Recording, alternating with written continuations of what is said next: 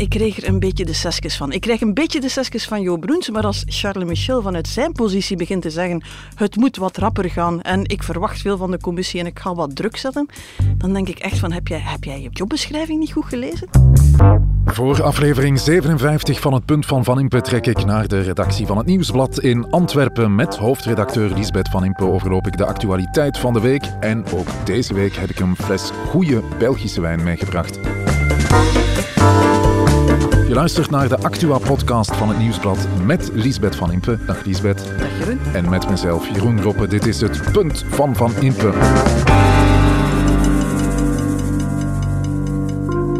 Kijk eens, Lisbeth, wat ik hier heb uh, meegebracht. Is het wijn? Is het bier? Oh ja, ik weet een het niet. hybride. Een hybride. Ik weet het echt niet. En dat maakt het ook zo spannend. Hè. Er gebeuren heel veel interessante experimenten in ons land op de grens tussen wijn en bier. Vooral in onze hoofdstad. Daar zitten we intussen aan meer dan 20 microbrouwerijen. En een van die brouwerijen, Lisbeth, is de Brussels Beer Project. En die hebben net een uh, schitterende nieuwe brouwerij geopend in Anderlecht. En daar vond ik deze Pinard de Bruxelles gerst en druiven maandenlang gerijpt in houten vaten. Het is uh, het soort drank uh, waar ik erg veel van hou eigenlijk. Het is uh, lekker op het, de scheidingslijn wijn-bier. Neig ik meer naar bier, maar...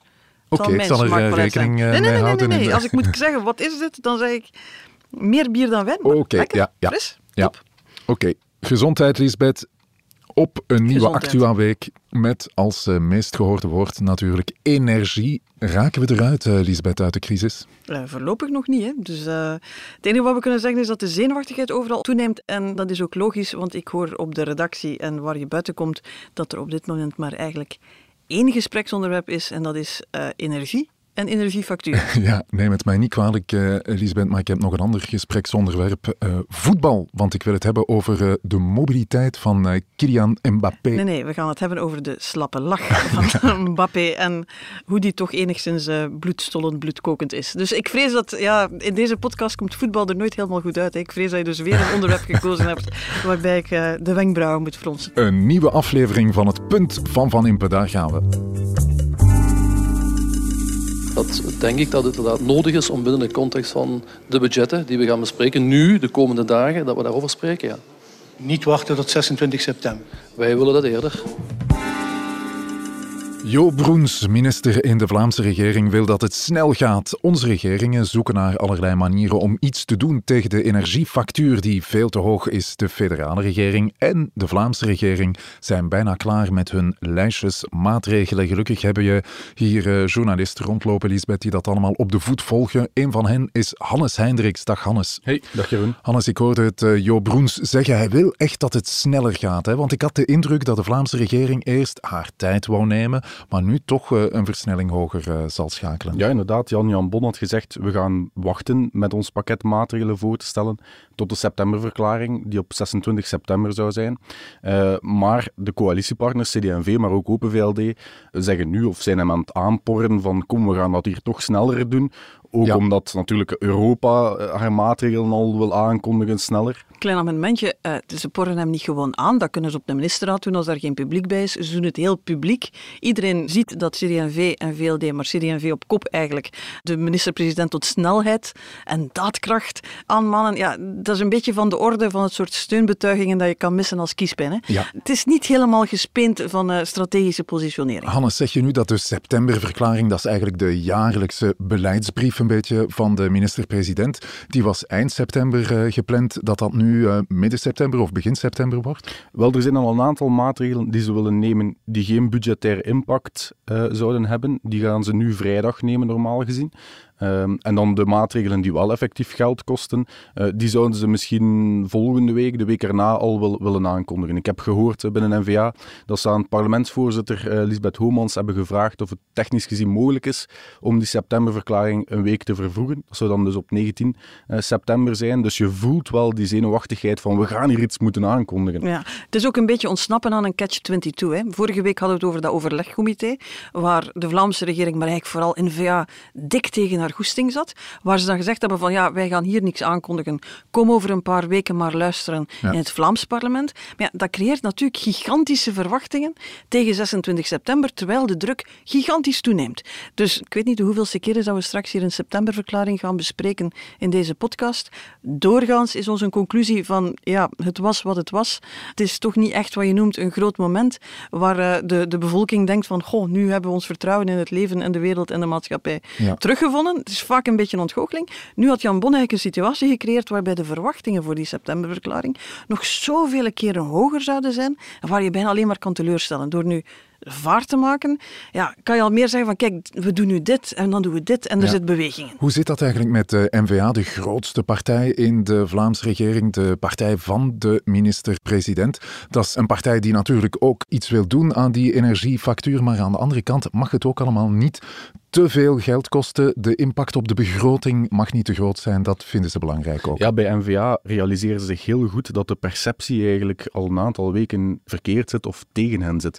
Dat is eigenlijk gestart met de quote van Zoaldemir over dat overlegcomité, waar ze eigenlijk met tegenzin naartoe ging. Mensen interpreteerden dat als van, ho, die voelen zich precies niet verantwoordelijk. Ja, die... NVA wil niets doen aan de energiefactuur. En ze hebben dat bij NVA heel goed door. Uh, Bart de Wever heeft het in een interview in onze kant ook gezegd dat hij eh, die uitspraak helemaal niet gedaan zou hebben. Dus het is eigenlijk een beetje op de vingers tikken. Ja, uh, we weten intussen ook als je Bart de Wever weer overal ziet dat er een operatie damage control bezig is. Dus je hebt duidelijk maken dat die Vlaamse regering daar wel mee bezig is, dat de NVA daarmee bezig is. Bart de Wever die zelf met een voorstel komt voor de bescherming van de huurders. Ja. Nadat Jan-Jan Bon had gezegd ja, huurders, daar kan ik nu eigenlijk echt wel niks voor doen hoor. Ja, dat hoort nu eenmaal bij huren. Allee, ik bedoel, live op Radio 1, maar ook weer de halve partijdag van Lab, daar gaan we weer mogen drie weken achter volgen. Um, en ja, dat voorstel van Bart de Wever, hij wil eh, enkel indexeren als een woning energiezuinig genoeg is. Ja. Ja, ik begrijp, eh, twee jaar geleden zo'n voorstel, als je dat in een quiz kreeg, ging je zeggen, dat kan van de Sossen komen, dat kan van de Groenen komen. Niet Eén het van de twee. voorstel Niet dat je verwacht van NVA. van NVA. Ja, het zijn onlangs uh, fractiedagen geweest van NVA, begin deze week. En er waren heel veel mensen binnen NVA tegen dat voorstel. Er, er hebben er enkele mensen gezegd van, ja, zijn we hier in een socialistische partij ja. terechtgekomen? Ze waren heel blij dat de socialisten nog een stap verder gingen, dat die de huurprijzen ja. effectief worden bevriezen. De NVA is uh, natuurlijk de grootste partij in de Vlaamse regering, doet voorstellen, maar ook die andere partijen doen voorstellen. Dat zijn Open VLD en CDMV. CDMV dat zich uh, nog altijd profileert als uh, de partij van de kinderbijslag. En de kinderbijslag die moet naar omhoog, evenredig met de inflatie, vindt de partij. Hè? Ja, inderdaad. Misschien belangrijk om erbij te zeggen is dat het diezelfde CD&V was die daar eigenlijk op bespaard heeft. Ja. Minister Wouter Beke op zijn voorstel is, um, is dat eigenlijk teruggebracht. Daar is, daar, daar is op bespaard. Um, maar nu, ja, bij CD&V realiseren ze zich, ja, die inflatie is 9%. En uh, de indexering van die kinderbijslag zit op 1%. Dus ja, dat groeit helemaal scheef.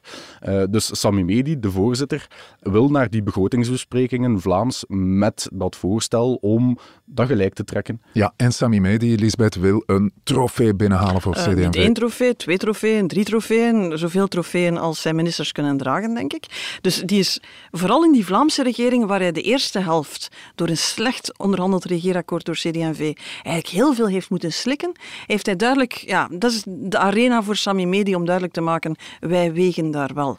Je ziet dat bij Ventilus. Dat hebben ze opgelost. Ventilus zijn die hoge... Um, in West-Vlaanderen, de, de, de hoge ik was, ik was het woord ja. aan het zoeken, uh, waar heel veel lokale burgemeesters en, en, en, en bewoners tegen zijn. Ja, dat hebben ze heel klassiek Vlaams opgelost door te zeggen, we shotten het nog eens een paar maand verder en dan zien we wel weer. Maar dan komt er nu de kinderbijslag. Hele populaire maatregel. Bijzonder onpopulair om daar tegen te zijn. Dus ja. iedereen neemt een risico als je zegt van dat doen we niet. Klinkt heel hardvochtig. Het is trouwens een koopkrachtmaatregel die niet weegt op de bedrijven direct. Dus op zich heel mooi, maar kost handenvol geld. Dus ze kunnen daarmee scoren en dat ziet de rest dan weer niet graag. Daarnaast zitten we nog altijd met stikstof, dat komt straks ook terug. Ja, en dat, dat wil CD&V graag opnieuw onderhandelen, dat akkoord daarover. Dat willen ze openbreken, maar dat betekent dus dat CD&V op dit moment de vijandelijkheden opent op alle mogelijke fronten tegelijk.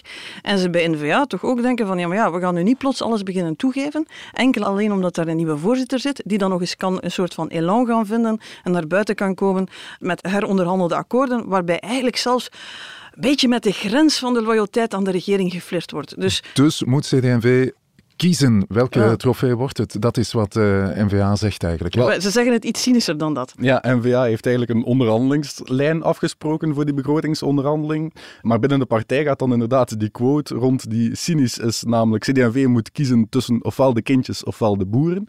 Uh, maar die quote zit echt overal, hè, in het hele parlement. Uh, maar de dat is kindjes wel... of de boeren, dat is intussen de, de keuze waar ze voor staan. Um... Je hebt het altijd gezegd, hè, Lisbeth, een assertieve CD&V, daar moet je mee opletten in de Vlaamse regering. Dat zou wel eens voor spanningen kunnen zorgen. Wel, de vraag is of het veel gaat uithalen, maar het gaat wel, ja, het gaat wel zand in de machine zijn daar. Hè. Dus één, twee, drie stokken in de wielen. Je kan niet zeggen dat ieder voorstel even doordacht is. Je kan niet zeggen dat het, het, is, het, is, het is behoorlijk opportunistisch wat ze aan het doen zijn. Maar ja, je krijgt daar, als je niet oplet, een regering die, die vechtend over straat rolt op een moment dat ze dus die heel belangrijke septemberverklaring van Jan-Jan Bon moet voorbereiden. En dan, als je dan de minister hoort, Bruns, die zijn eigen regering regeringsleider zegt van uh, allee, doe, steek nog een tandje bij Jan, we geloven in je, je kan het, maar maak wat snelheid. Uh, ja, dan kan je moeilijk zeggen dat dat een vriendelijke uitspraak is. Zijn het uh, politieke spelletjes die het debat rond het energiedossier op dit moment domineren? Ik vind het, ja, het, het, het riskeert echt daarin te blijven steken. En Mensen zijn over niet veel anders meer bezig. Mensen zijn aan de keukentafel erover bezig. Mensen zijn er bezig als ze als koppels hun rekeningen aan het maken zijn en de optelsom aan het maken zijn, zijn ze erover bezig. Ik hoor van mensen die op café zitten en zeggen van het gaat verdorie over niks anders meer. Ik denk dat een wedstrijd die niet beseft dat niemand, maar letterlijk niemand, nu boodschap heeft aan dat soort uh, tactische manoeuvres in het donker.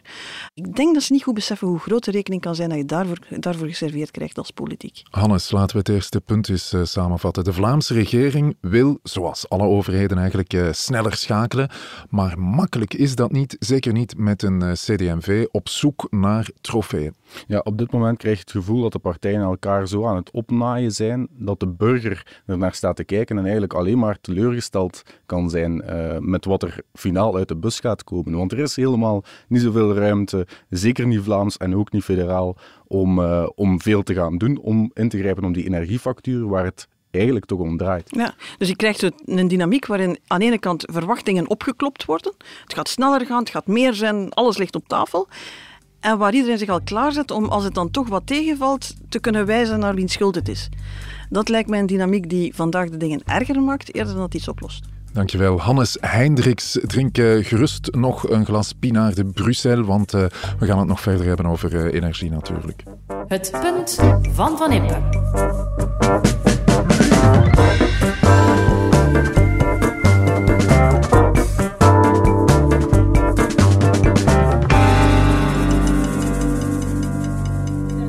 Ich bin der festen Überzeugung, dass es jetzt Zeit ist für einen Preisdeckel auf russischem Pipeline-Gas nach Europa.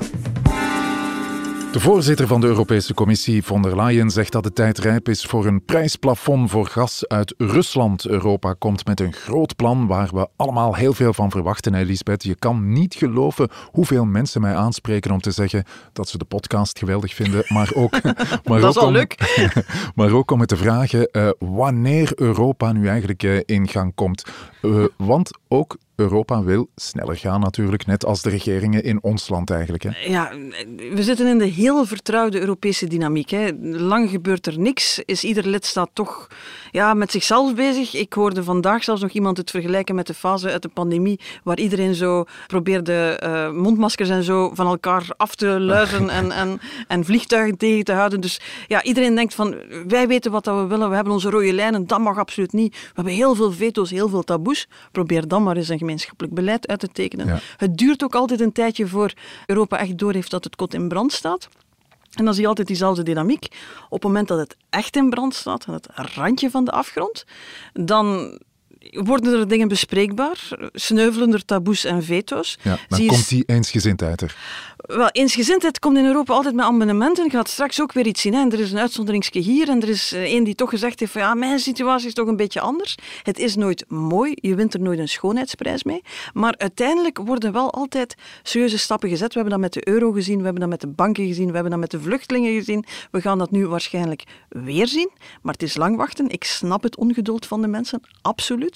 En tegelijk is het besef wel aan het groeien. De enige die hier een impact kan hebben op hoe wij onze energiemarkt organiseren, hoe die prijs bepaald wordt, hoe wij met de andere grote spelers kunnen onderhandelen over lagere prijzen of, of plafonds kunnen afdwingen of wat dan ook.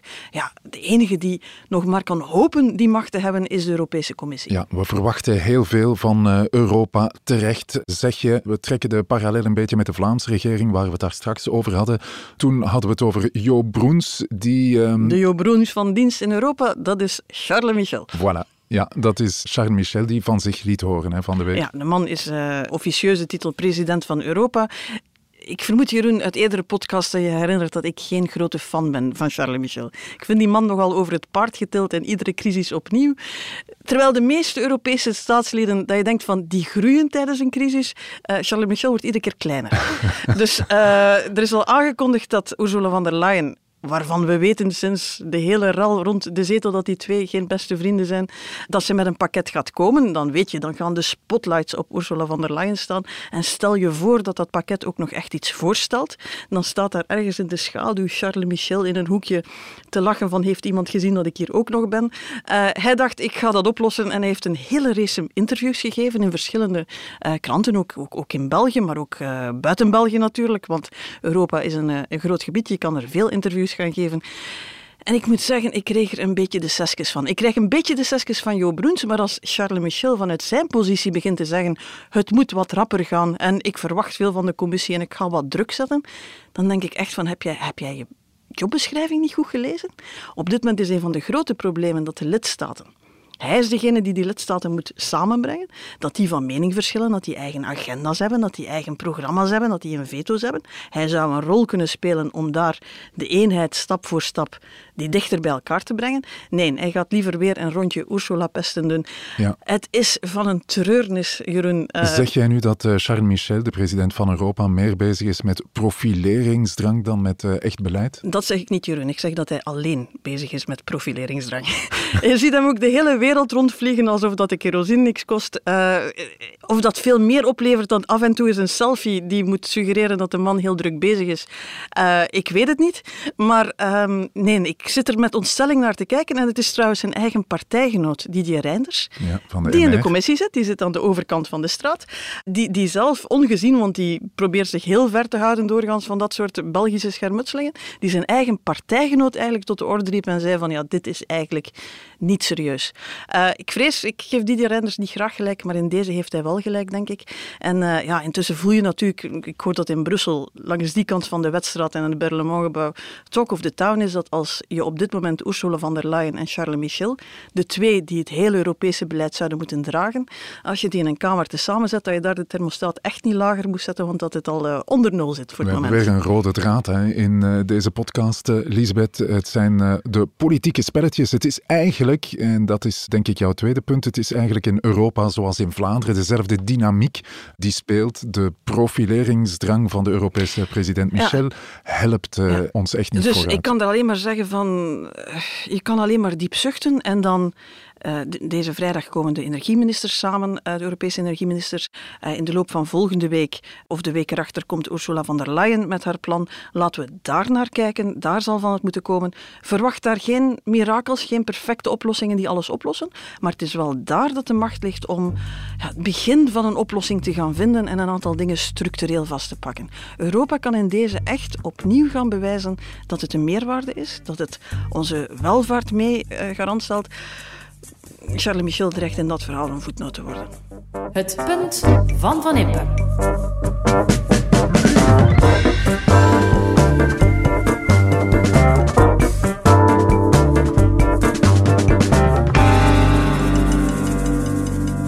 Alain Krakowicz, responsable des TGV, euh, a tweeté après une vidéo de Marco Verratti faisant Paris-Nantes et Nantes-Paris en jet privé. Paris-Nantes est en moins de deux heures en TGV Inuit PSG Inside. Je re-renouvelle notre proposition d'offre TGV adaptée à vos besoins spécifiques pour nos intérêts communs, sécurité, rapidité, service et écomobilité. Est-ce que c'est une question que vous vous posez et est-ce que vous avez, en avez parlé à vos joueurs?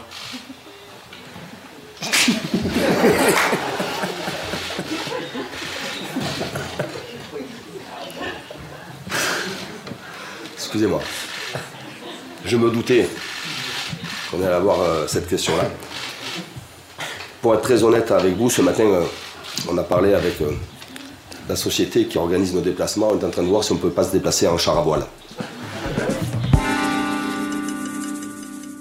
Ik leef weer helemaal op, Lisbeth, want het eh, Champions League voetbal is begonnen.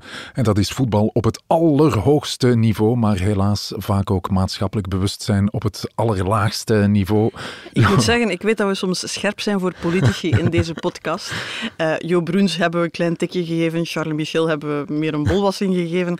Maar we moeten eerlijk zijn, de hoofdvogel wordt ook deze week afgeschoten door uh, Kylian Mbappé, inderdaad, de Franse voetbalster die hier de slappe lach kreeg zonder twijfel een van de allerbeste spelers ter wereld. Mbappé speelt voor PSG, een Qatarese club uit Parijs. En daar leeft de klimaatproblematiek niet echt, heb ik de indruk. De klimaatproblematiek niet, de energieproblematiek niet, de financiële problematiek ja. niet. Het is een andere planeet, ja. heb ik afgeleid uit deze persconferentie. Maar misschien moeten we nog even vertellen wat er gebeurt, want het is in het Frans. En het ja, schijnt dat de kennis van het Frans in het land wel eens achteruit gaat. Blijkbaar uh, spelers die uh, voor een verplaatsing van PSG naar Nantes dat is zo'n uh, twee uur met de trein van Parijs, de privéjet nemen. En toen een journalist daar een vraag over stelde, schoot Mbappé gewoon in de lach. En zijn coach maakte er ook een grap over en zei: Oké, okay, de volgende keer zullen we met paard en kar naar Nantes gaan. Zoiets ja. Was het ongeveer. Voile. Het was iets, het was ja, iets 20e eeuwse, een, iets, een, zeil, een zeilwagen, zeilwagen ja. zoiets, ja. Ja, inderdaad. Pijnlijk de reactie van de twee. Die zegt eigenlijk heel die opwarming van de aarde on s'en fout. Het voelt bijna als, als, als iets van een ander planeet. Ik dacht, als een Fransman hier nu naar zit te kijken, die ziet Marie-Antoinette. Je weet wel, de koningin van Frankrijk, ja. die vlak voor de Franse revolutie uh, herderinnetje en boerderinnetje aan het spelen was in, in de tuinen van Versailles. Juwelen kocht, geld uitgaf, uh, als was het niets. Terwijl er op dat moment een hongersnood in Frankrijk was. Op dat moment hoort ze van, ja, toch wel wat opletten, er dreigt opstand.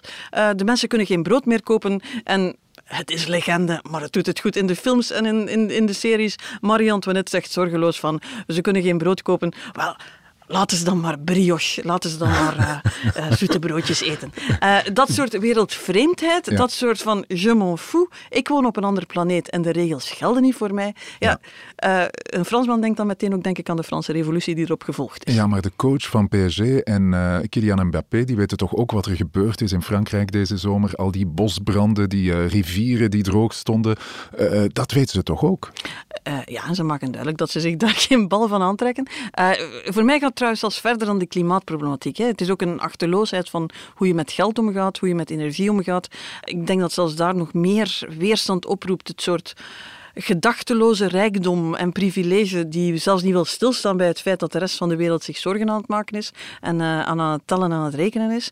Uh, dan nog eens het klimaat erbij. Allee, het, het is de, de meest duidelijke opgestoken middenvinger naar iedereen die zich vandaag over gelijk wat wil zorgen maken ja. en een maatschappelijke verantwoordelijkheid wil nemen. En voor jou is dit weer eens een bewijs dat de voetbalwereld een compleet immoreel universum is, zeker? Ja, kijk, Jeroen, jij blijft maar uh, voorbeelden meebrengen waar ik alleen maar van kan zeggen van diepe zucht. Ja, ja maar kan je ook uh, andere voorbeelden geven van uh, maatschappelijke actie via het voetbal? Nee, nee, maar vandaag gingen we een papier doen, en um, ik kan alleen maar zeggen, deze mensen claimen iconen en voorbeelden te zijn.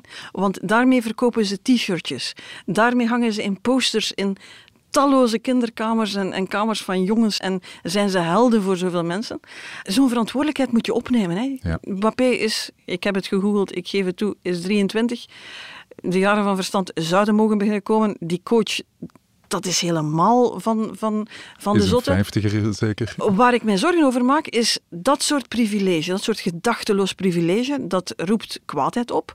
We weten allemaal in voetbal, vanaf dat hij weer scoort, dat dat weer vergeten is. Ja. Dat heeft hij ook gedaan trouwens, ja, hè, tegen Juventus. Dat was mij dan weer ontgaan. uh, voor mij maakt het de dingen niet goed. Maar dat soort onbehagen, dat gevoel van onrechtvaardigheid, dat blijft broebelen in een samenleving.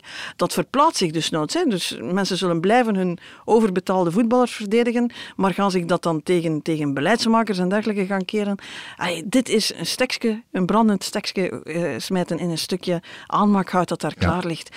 Dat steekt de ogen uit. Wat, Lisbeth, moeten ze nu doen bij PSG? De coach van PSG heeft zich al geëxcuseerd. Maar daar wat kan, dus niks uh, van. wat kan een, een club uh, nu nog doen. Er zijn clubs, zoals Liverpool bijvoorbeeld, die binnen een bepaalde straal de verplaatsingen met de trein doen. Betis Sevilla, de derde populairste club van Spanje, daar doen ze dat ook. Maar pas op, we gaan geen prijzen uitreiken omdat er daar ooit eens een voetballer de trein neemt. Hè. Ik bedoel, wat moet PSG doen?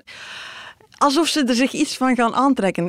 Ze hebben perfect duidelijk gemaakt dat oké, als de storm nu een beetje groot is, zullen ze wel zeggen van god, het was wat ongelukkig. Het was met voorbedachte raden. Uh, het was absoluut de bedoeling om dit signaal te geven. PSG zal doen wat het wil wat ik wel moet zeggen, brede verhaal van het voetbal. We hebben aan de ene kant altijd het verhaal, als er moeten fiscale kortingen en gunstregimes en steun losgeweekt worden, dan wordt er graag gesproken over de maatschappelijke rol van het voetbal. Ik ga het niet ontkennen dat voetbal een maatschappelijke rol kan spelen, maar als je dat wil claimen, speel dan godverdorie die maatschappelijke rol en neem je verantwoordelijkheid. De twee, de lachpartij op de persconferentie en een maatschappelijke rol spelen, zijn niet te verzoenen. Dat is uh, een goed derde punt, uh, Lisbeth. De wereldvreemdheid van uh, voetbal en andere sterren is stuitend. Voetbal... Ze zijn niet de enige. Ik bedoel, ja. kijk naar celebrities. De Kardashians zijn daar blijkbaar 880.000 liter meer aan het gebruiken dan wij allemaal in onze dan, spaarzame douches. toegelaten was in Californië. Dan toegelaten, want daar zitten ze met droogte. Dat soort wereldvreemdheid, dat blijft vaak buiten schot, want ze zitten ver genoeg op hun privé-eilanden en ze hebben altijd een privéjet om zich nog verder te evacueren. Maar het steekt de ogen uit en het zijn dan mensen die absoluut moeten zwijgen over gelijk welke iconische rol die ze willen spelen, over gelijk welke maatschappelijke verantwoordelijkheid. Heb dan tenminste de decency om je mond te houden. Ja, want uh, privéjets, uh, Lisbeth, die worden ook alsmaar populairder. Hè? Veel mensen die vroeger business vlogen, die kiezen nu gewoon voor een privéjet met uh, alle gevolgen van dien voor het klimaat. Hè? Ja, en daar, daar sta je als politiek ook machteloos tegenover. Natuurlijk, je kan dat gaan taxeren en maar op en dan brengt dat wel wat geld op. Maar je zit hier in een categorie van mensen die duidelijk maken, wij hoeven ons hier niks van aan te trekken. Het punt van Van Impe.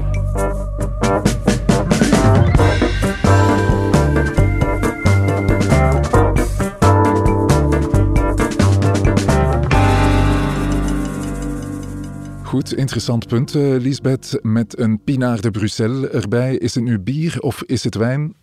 Het is uh, bier dat een beetje naar wijn smaakt. Interessant. Ja. En we vonden het uh, interessant als een ander woord voor ronduit lekker. Hè? Ja, um, lekker, fris. Ja. Goed bij de zomer. Iets meer voor de geuze-wijncombinatie die we hier uh, ja. al eens uh, gehad hebben. Niks maar goed. gaat boven geuze. Ja, inderdaad. Het is uh, in alle geval een goed voorbeeld van de vele spannende resultaten die je krijgt als bierbrouwers zich met wijn gaan bezighouden, zoals in de Brussels Beer Project. Ik ga het hierbij laten, Lisbeth. Jij krijgt de rest van de fles, want ik drink altijd met mate, dat weet je. Ik trek... ik niet dan? ik trek weer naar Brussel en ik kijk enorm uit naar volgende week. Tot dan. Tot dan. Dit was het punt van Van Impe, een podcast van het Nieuwsblad. Je hoorde de stemmen van hoofdredacteur Liesbeth Van Impe, van eh, Hannes Heindriks en van mezelf, Jeroen Roppe. Dank aan de VRT voor de audioquotes, aan Pieter Schrevers voor de muziek en aan Pieter Santens van House of Media voor de montage. De productie was in handen van Bert Heijvaart. Tot het volgende punt van Van Impe.